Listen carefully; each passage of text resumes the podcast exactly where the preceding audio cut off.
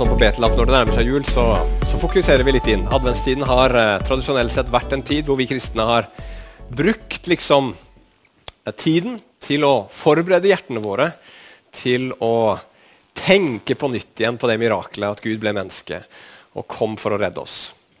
Så eh, nå eh, har vi da de siste søndagene vært i Lukas kapittel 1, og der skal vi også være i dag. I dag skal vi høre om eh, døperen Johannes' fødsel. Og Det er liksom siste stopp før vi kommer til Lukas 2 og vi får høre de kjente og kjære ordene som vi kaller for juleevangeliet. Historien om da Jesus ble født. Men det sparer vi til torsdag når det er julaften. Men Det spesielle med den historien vi nå skal høre, er at Zakaria, som vi hørte om for noen uker siden, han har vært døv og stum i minst ni måneder. i hvert fall. Og nå får han talen tilbake. Han var stum pga. sin vantro, men nå får han talen tilbake. Han bryter ut i en lovprisning som er den lengste og kanskje mektigste, mektigste lovprisningen, i hvert fall så langt, i Lukasevangeliet.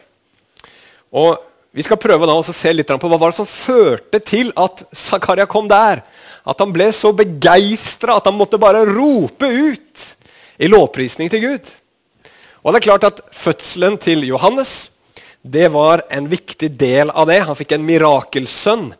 Men jeg tror det er noe mer enn det. Og I dag så skal vi se på at Zakaria og vi både trenger å se Guds nåde, vi trenger å se Guds trofasthet, og vi trenger å se Guds visdom. Og Sånn gikk stillheten til Zakaria til jubel, og sånn tror jeg også stillheten i våre liv kan gå, gå til jubel i våre hverdagsliv. Så da kan du få lov å slå opp hvis du har med deg Bibel i Lukas kapittel 1, og skal vi lese noen vers fra 57 og utover. Vi hopper litt, som dere sikkert kommer til å merke. Har du ikke med Bibelen, så kommer det opp på skjermen her også. Da leser vi Jesu navn. Elisabeths tid for å føde var nå kommet, og hun fødte en sønn. Da naboene og slektningene hennes hørte hvordan Herren hadde vist henne stor miskunn, gledet de seg sammen med henne. Det skjedde på den åttende dagen at de kom for å omskjære barnet og de ville ha ham oppkalt etter hans far Zakaria. Hans mor svarte og sa nei, han skal kalles Johannes. Men de sa til henne, det er ingen blant dine slektninger som har det navnet. Så gjorde de tegn til hans far for å få vite hva han ville at han skulle hete. Og han ba om en tavle, og på den skrev han dette. Hans navn er Johannes. Da undret alle seg. Straks ble munnen hans åpnet, og tungen hans løst, og han talte og priste Gud. Så hopper vi til vers 68.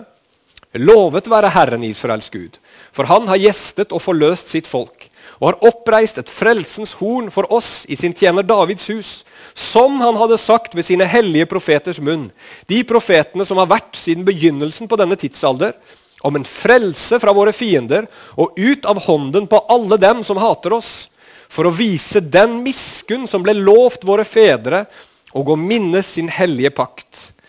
Dette var den ed han tilsverget vår far Abraham, at han ville gi oss, vi som var utfridd fra våre fienders hånd, og få tjene ham uten frykt, i hellighet og rettferdighet framfor ham, alle våre livs dager.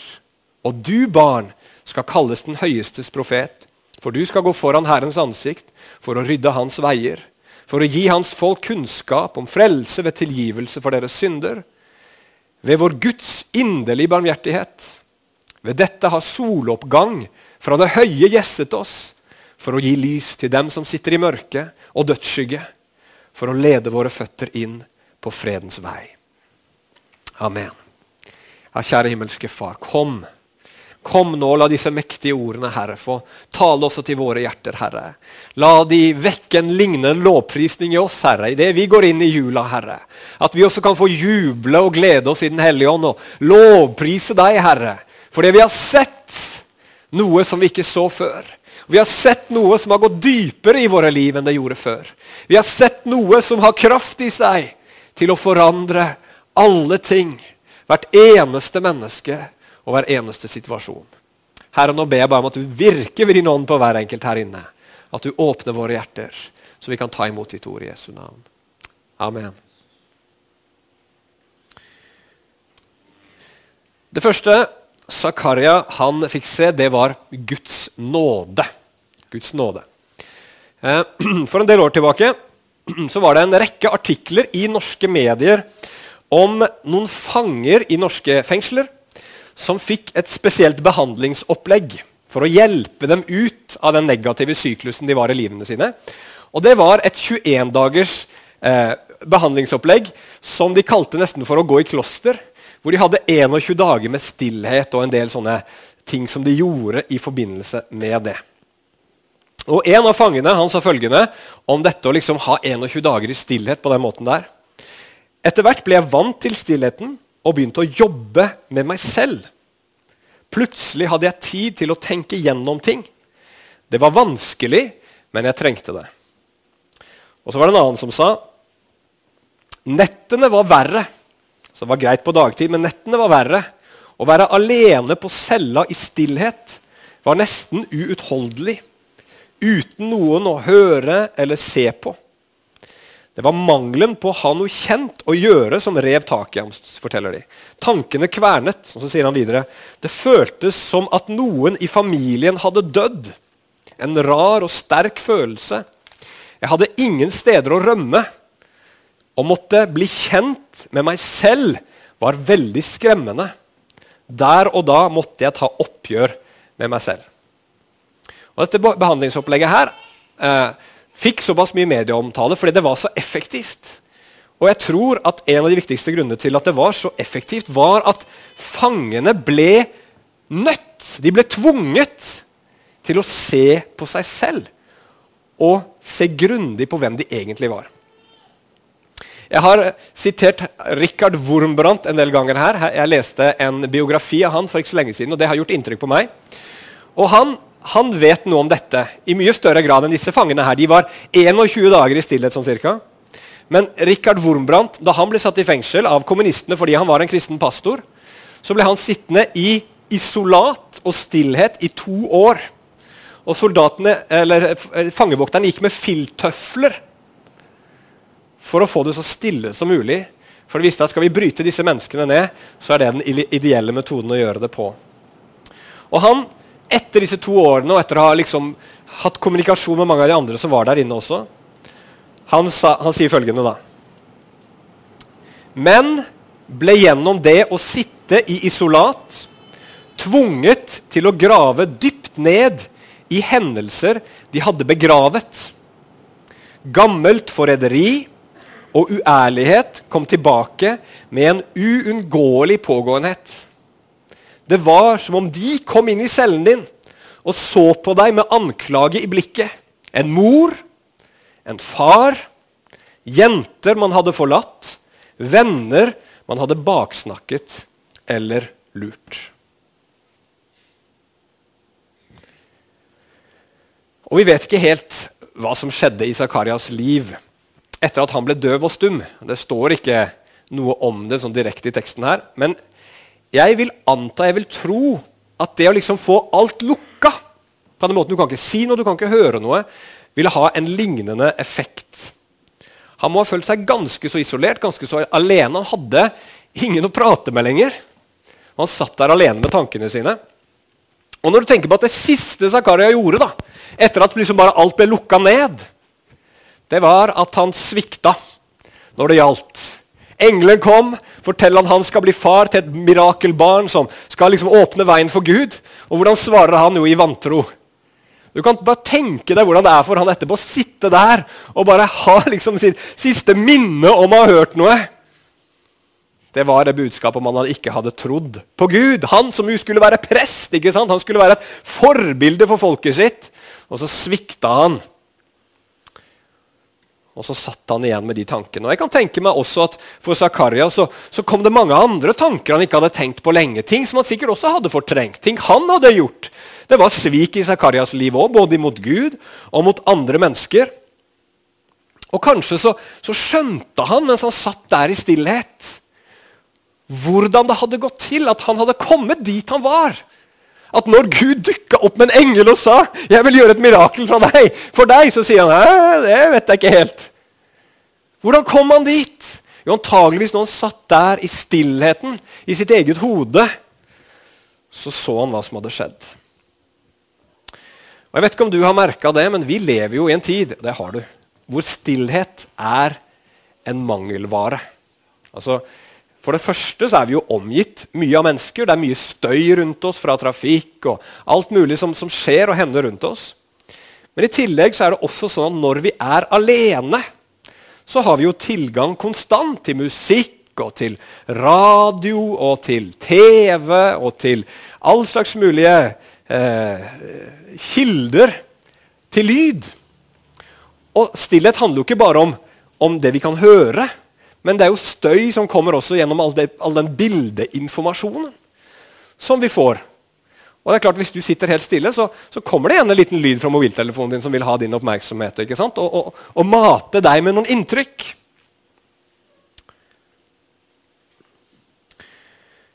Og Det gjør at tankene våre i den tiden vi lever nå, får lite ro. Vi har lite ro. Og jeg tror at for veldig mange av oss er det kanskje noe vi aktivt søker òg. Mange mennesker rømmer nesten til alle disse inntrykkene, til all denne lyden. Noen kan ikke gå gjennom en dag uten nesten konstant å høre på et eller annet, få et eller annet inn. Og Hvorfor er det sånn med oss? Jo, jeg tror det er helt samme grunnen som det er så krevende å sitte i isolat eller være i stillhet. At når du er stille, når det blir stille rundt deg, så kommer det så mange tanker krypende. Og Det kan være ting som, eh, som har med frykt og bekymring å gjøre, som plutselig bare melder seg. Det kan være skyld, det kan være skam, det kan være dårlig samvittighet, det kan være indre anklager ikke sant? som bare ligger der og går på repeat. Det kan være uro, det kan være et indre ubehag som ikke klarer helt å sette fingeren på. Og Det kan være nesten den kjedsomheten også, som vi er så redd for. At vi liksom har abstinenser etter en eller annen form for stimulans. Og Da må vi jo stille oss spørsmålet er det meg. Rømmer jeg fra stillheten? Rømmer jeg fra det å være stille fordi det er så mange ubehagelige ting jeg ikke ønsker å ta inn over meg? Våger du og jeg å se helt ærlig på oss selv? Våger du å ta inn over deg hvem du egentlig er? Ikke den du ønsker å være, eller den du forsøker å framstille deg selv som overfor andre mennesker?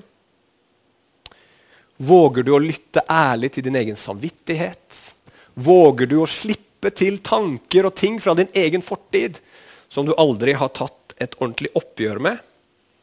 Eller er du også ærlig, og våger du å være åpen for at det kanskje skjer ting i livet ditt akkurat nå som du vet ikke er bra, som du vet du ikke burde holde på med, og som du skyver vekk på forskjellige måter og har unnskyldninger for? Det som er interessant med historien om Zakaria, det er at Gud tvang Zakaria inn i en sånn situasjon. Og Hvorfor gjorde han det? Var det et smekk på fingrene fordi Zakaria ikke var som han skulle? Eller var det liksom Guds dom over Zakaria, hvor han tenkte at Zakaria skal, nå skal han, ende, nå skal han få, nå skal han gå til grunne i, i skyld og i selvforakt? Nei.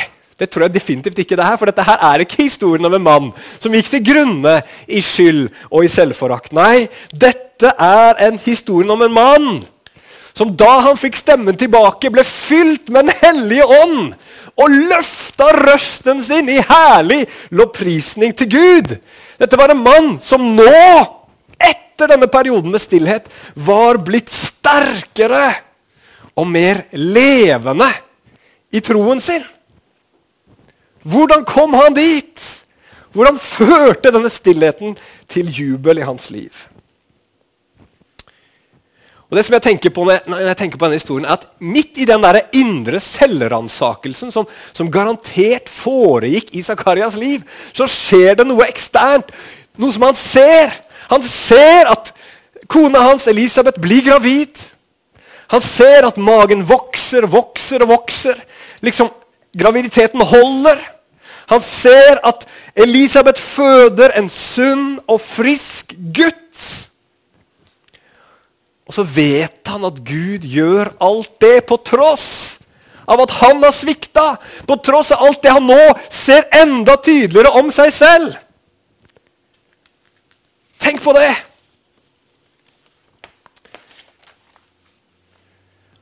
Og Så kommer dagen, åtte dager senere at han var født, hvor det var liksom skikk for jødene at da skulle gutten omskjæres og gis et navn.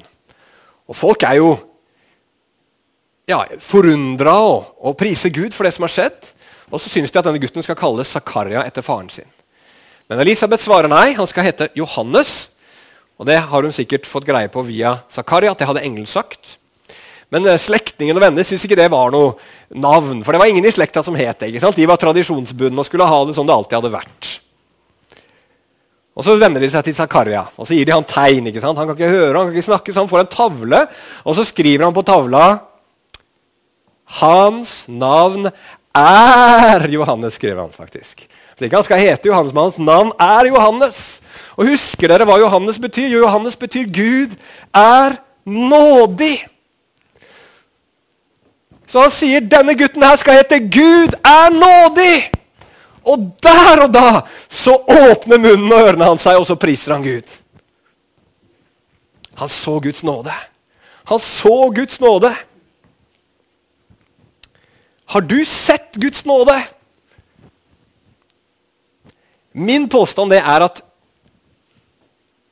vi ofte har en grunn forståelse av hva Guds nåde er. Fordi vi har en grunn forståelse av hvem vi sjøl er.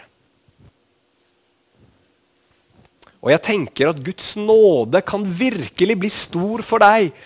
Uventa og overraskende og livsforvandlende. Når du først ser hvor lite du fortjener den, og så ser hvor stor den er. Det er liksom fint å få kjærlighet og anerkjennelse når du har gjort rett. Gjort det som er bra. liksom Noen sier klapp på skulderen og sier 'bra, jeg liker deg, du er fin'. Men når du har svikta og sveket, og da får høre at du er elska, da får høre at du er inkludert, da får høre at Gud står der med åpne armer Det gjør noe med deg. Du må først se bjelken i ditt eget øye, tenker jeg, før du kan se hva den bjelken som Jesus ble nagla til, faktisk betyr. Hvis du skjønner at han døde for den bjelken i ditt øye, da blir det livsforvandlende kjærlighet. Zakaria han hadde svikta, og han skjønte det bedre enn noen gang i sitt liv at han kom til kort overfor Gud. Men midt i den prosessen der så viste Gud han stor nåde. Stor nåde. Han fikk et barn han fikk et barn som skulle være en ledd i Guds frelsesplan. Det var nåde over nåde. Og Johannes blir forandra. Kanskje han aldri har prist Gud sånn som det. Og nå er han ikke lenger en, en ulydig og vantro person. Nå sier han det sånn det er. Hans navn er Johannes. Det Gud har sagt, det står fast. Det er Gud som har bestemt, og jeg bøyer meg under han. Men tenk det der livsforvandlet som skjedde i Zakarias liv. Det skjedde ikke med bulder og brak. Det skjedde i stillhet. Det skjedde når ørene hans og munnen hans var lukka.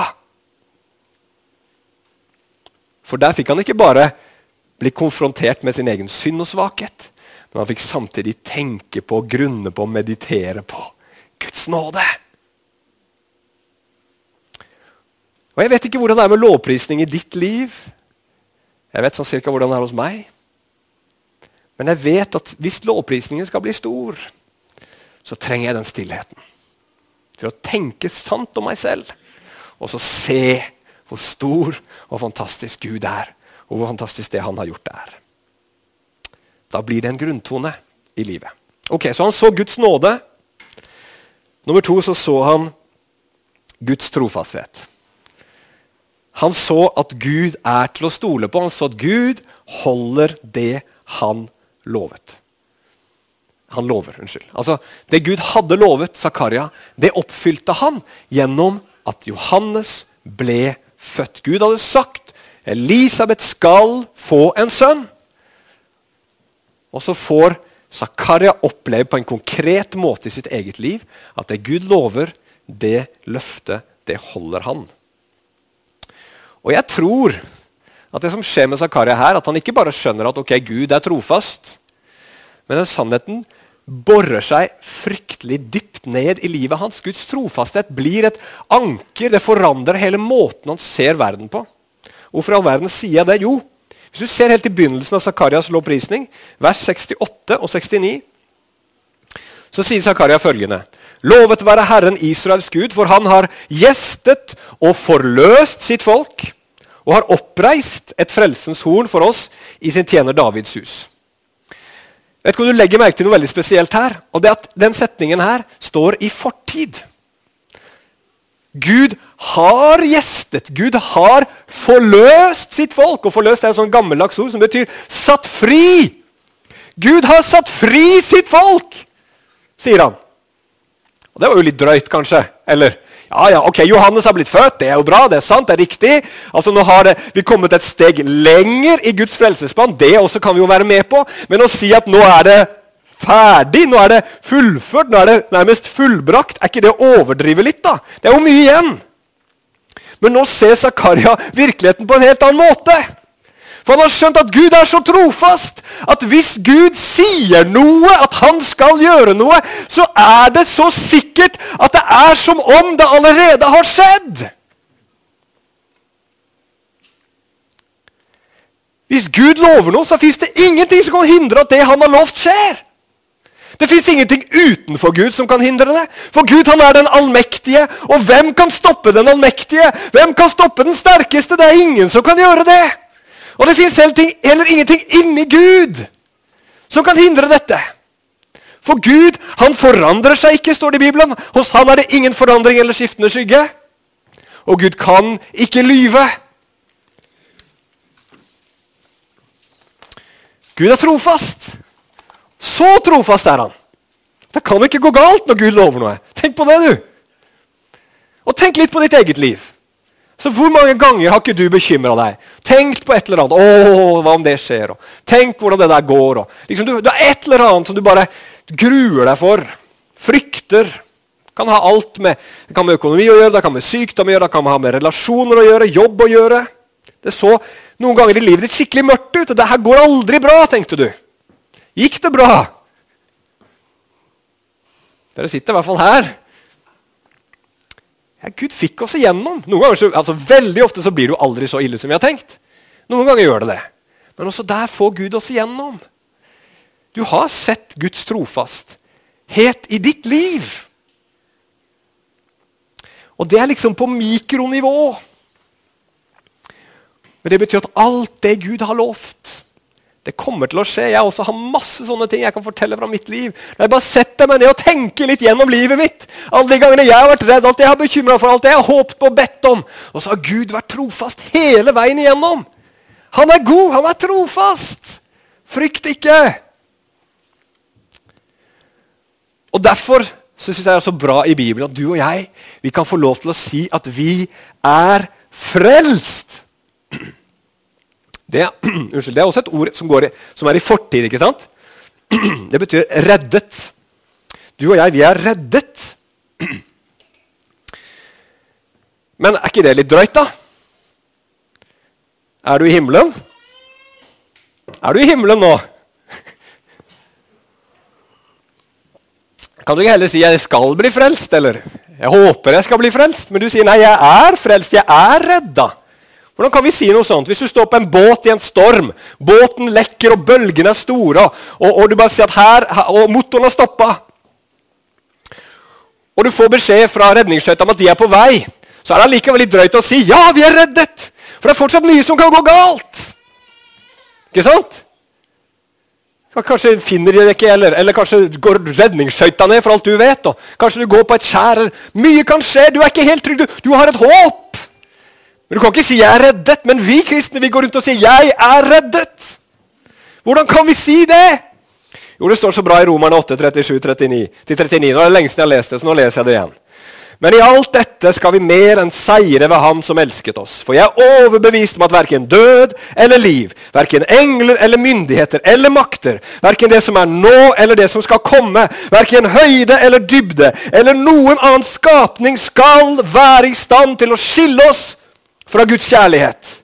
Den som er i Kristus Jesus, vår Herre. Det fins ingen makt, det fins ingen kraft, verken i denne tid og i denne verden, som kan skille deg fra Guds kjærlighet, den som er i Kristus Jesus. Hvis du setter din lit i Han, da kan du si 'Jeg er frelst'. Jeg er som om vi allerede var framme. Og det står faktisk det i Bibelen at vi er satt i himmelen med Kristus. Ankeret allerede festa innenfor forhenget.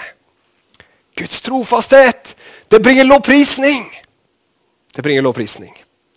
Og det siste som jeg tror Zakaria så, det er at Gud er vis.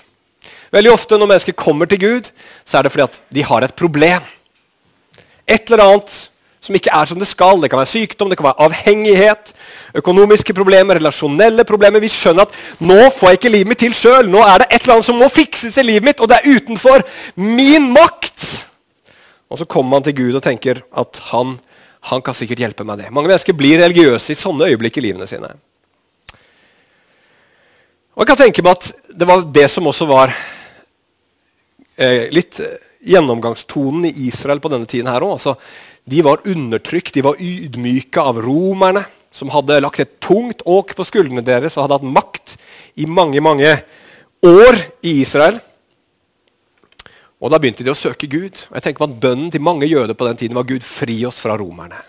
Gud, fri oss fra disse grusomme romerne. Gjør oss fri igjen, Gud! Og Hva er da Guds svar på alle disse bønnene? Så Vi kan være helt sikre på at de ble bedt over hele Israel på den tiden. der sender Gud en militær leder, en femstjerners general fra himmelen. Eh, sender han Mikael, sjefserkeengelen og sjefen for Herrens hær og armé. Er det han han sender for å redde Israel fra sine fiender? Nei, sender, Gud sender en døper og et lam. Sånn kort fortalt.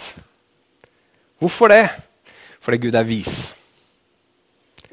Han visste at det Israelsfolket ba om redning fra, det var ikke det som var deres egentlige problem. Og Gud vet at når du og jeg kommer til Han liksom, med våre problemer, så er det ikke sånn at ikke Gud bryr seg om det, men han vet at det er ikke det som er deres egentlige problem. Israel hadde vært fri mange ganger før de. Gikk ikke så veldig bra da heller, hvis du leser litt i Israels historie. Liksom, problemene begynte ikke med romerne. Og Problemene i våre liv begynte ikke den dagen du ble syk, eller den dagen du fikk en knekk økonomisk, eller den dagen et eller annet skjedde relasjonelt, en skilsmisse, eller hva det skulle være. Det var ikke der problemene begynte i vårt liv. Var det det? Begynte lenge før det. Og jeg tror at Zakaria har forstått det. Han snakker i sin lovprisning til Gud om frelse fra fiendene. Men jeg tror han har skjønt at det er ikke de fiendene som folk flest rundt meg tenker er fiender. Det er ikke romerne det gjelder. La oss bare lese igjen fra vers 74. Da priser Zakaria Gud og sier at han ville gi oss, vi som var utfridd fra våre, fra våre fienders hånd, og fortjene ham uten frykt, i hellighet og rettferdighet framfor ham alle vårt livs dager.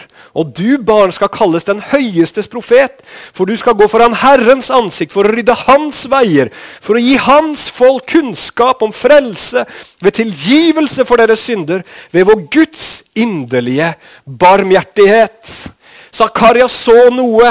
Jeg vet ikke hvor han var før denne perioden med stillhet begynte, men han var sikkert som veldig mange andre som håpte på at disse romerne snart skulle bli sparka ut av Gud. Men i denne tiden i stillhet så skjønte Zakaria at det jeg trenger, og det mitt folk trenger, er noe helt annet, noe viktigere enn frihet fra romerne. Det er tilgivelse. Og det er fred med Gud. Og det Bibelen forteller oss at Det store problemet i ditt og mitt liv, den store tragedien i ethvert menneskeliv, er ikke alle disse ytre problemene som, som, som, som er rundt oss. Men det er at du og jeg har kommet bort fra Gud. Det er det som er problemet over alle problem. Og det er det som er behovet over alle behov. Det er det du trenger mer enn du trenger noe annet i livet ditt. Så når du kommer til Gud med dine problemer og sier 'Gud, nå må du fikse dette', så er ikke Guds første svar ja, ja, ja, det skal jeg fikse. Nei, Guds første svar til mennesker som kommer til ham, er å si det som døperen Johannes sa, det som Jesus sa, det som Bibelen forteller oss, og de første kristne sa. Omvend deg og tro på evangeliet. Og så skal du få det du trenger. Gud han kommer ikke bare liksom et lite plaster på den åndelige kreften som vi bærer på. Han kommer ikke bare med sånn overflatebehandling. Nei, Han kommer for å redde oss fra de virkelige farlige fiendene våre. Mennesker er ikke dine og mine fiender. Uansett hva de er og hva de gjør. Nei, Våre fiender er synden, det er djevelen, all hans åndemakt, og det er døden. Og Da Jesus døde på korset, så seier han over dem alle sammen. For det var ting, hvorfor, hvorfor, er de så farlige? Hvorfor er disse tingene så, så, så, så viktige å få vekk? Jo, fordi det er ting som hindrer oss i å få være med Gud. Som står i veien mellom oss og Gud, men Jesus overvant alt det der. Sånn at du og jeg skulle få fred med Gud og få lov til å være med Han for alltid. Disse fiendene ble overvunnet ved et lam som døde. Derfor lammet kom! Han seira ved å dø! Og så sender han en profet. Profeten, døperen Johannes, som forkynner dette evangeliet til oss og kaller oss til å ta imot det, til å tro på det. Og det er her som det står så fint her, at soloppgang fra det høye gjester oss. Det er jo veldig aktuelt nå i disse dager. Hvor det blir bare mørkere og mørkere. Du bare kjenner at det trykker ned. Vi er litt lei. I tillegg når det er grått ute, og sånn, så blir det jo, jo ikke, Du ser jo ikke lys før klokka er 11 på formiddagen, nærmest, og så bare forsvinner det når klokka blir to. Ikke sant? Men det er ingenting sammenligna med det åndelige mørket som ligger over den verden her. Vi trenger en soloppgang. Vi trenger at sola går opp. Og hvordan går sola opp i våre liv? Og som det står så vakkert i, i Malaki, siste boka i Det gamle testamentet, at, eh, at, at, at soloppgang fra det høye skal gjeste oss, eller solen går opp med legedom under sine vinger. Lys står det snakk om her. Fred for en verden som ikke har fred. Hvor kommer det fra? Jo, det kommer fra Jesus som døde for deg, som sto opp igjen for deg, for at du skal få fellesskap med Gud for evig og alltid. Og du har det hvis du tror på ham. Du har fått det. Du har fått det du trenger mest av alt. Hvis du har Jesus, så har du det du virkelig trenger. Og så er alt det andre veldig greit å ha det òg. Men ett er nødvendig. Jesus. Fellesskap med Gud. Og ser du det, så tror jeg du også vil juble. Halleluja skal jeg gå til avslutning her. Um, det er sånn I Kina jeg synes Kina alltid er gøy å, å, å, tenke litt på og snakke om. I Kina så er det sånn i noen av de husmenighetene der at hvis du skal bli leder i husmenigheten, så må du først ha vært sånn to-tre år i fengsel. det er liksom et kriterium.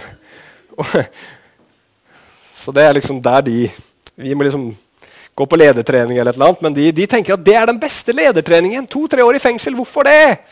Jo, for der møter du deg sjøl, og der møter du Gud. Og Det er klart det er litt vanskelig for oss å praktisere det her til lands, men, men kinesere som, som, jeg har hørt, sier at ja, men vet du hva, du må lage en sånn celle i ditt eget liv, hvor du kan møte deg selv, og hvor du kan møte Gud.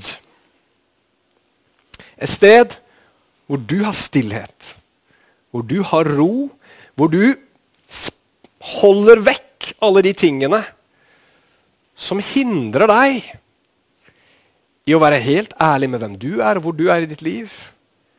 Men også hindrer deg å kunne tenke og grunne på og la det Gud har gjort, få synke dypt inn i hjertet ditt. Vi trenger virkelig stillhet. Vi trenger stillhet mer enn noen gang, nettopp fordi vi lever i en sånn verden hvor det er så lite av det. Og vi bare blir bombardert med andre ting. Du og jeg trenger ro for å tenke gjennom Guds nåde. Så Når vi ser oss sjøl hvem vi er, så er ikke meninga med det at vi liksom skal føle oss enda verre enn vi gjorde før. Vi skal bare få en større Jesus enn vi hadde før. Det er det som er poenget med det. For Hans nåde dekker over alt det. Og så skal vi få se på Guds trofasthet og hans visdom. Og Det er spørsmål vi alle sammen trenger å stille oss. Fins det et sånt rom i våre liv som kristne? Har du et sånt rom, tidsrom i ditt liv, hvor Gud får tid til å arbeide med deg? Hvor du sperrer ute de andre tingene? Er det sånn at Når det endelig blir ro og fred i ditt liv Kanskje har du barn, og, og det er liksom ikke så mye ro å få, men når det endelig kommer og blir rolig på kvelden, hva gjør du da? Er det liksom på med TV-en, opp med mobilen? Eller finner du rom? Og Det kan være så mange grunner til at vi ikke gjør det, men jeg tenker er et par ting jeg skal bare nevne helt til slutt her. En ting som gjør at vi ikke søker Gud, som er en kamp for oss alle, det er at hjertene våre blir så grepet av skjønnheten og herligheten i denne verden. at det å søke Gud ser så lite interessant og spennende ut. Sikkert ingen som kjenner seg igjen. Men det har skjedd med meg et par ganger. Er det sånn at timelige ting, ansvar og prosjekter her nede, ting du ha, skulle ha gjort og vil få gjort, blir viktigere for deg enn de evige tingene, fellesskap med Gud? Har du og jeg mistet av syne hvor inderlig vi trenger Gud? For absolutt alt i våre liv. Den påminneren trenger vi. Og er det sånn for noen av oss kanskje at frykt, uro, dårlig samvittighet Det holder deg borte fra Gud. Og så går du heller til støyen, til lydene, som på en måte holder alle disse tingene på avstand. Men det vi egentlig gjør da, det er at vi rømmer fra Gud.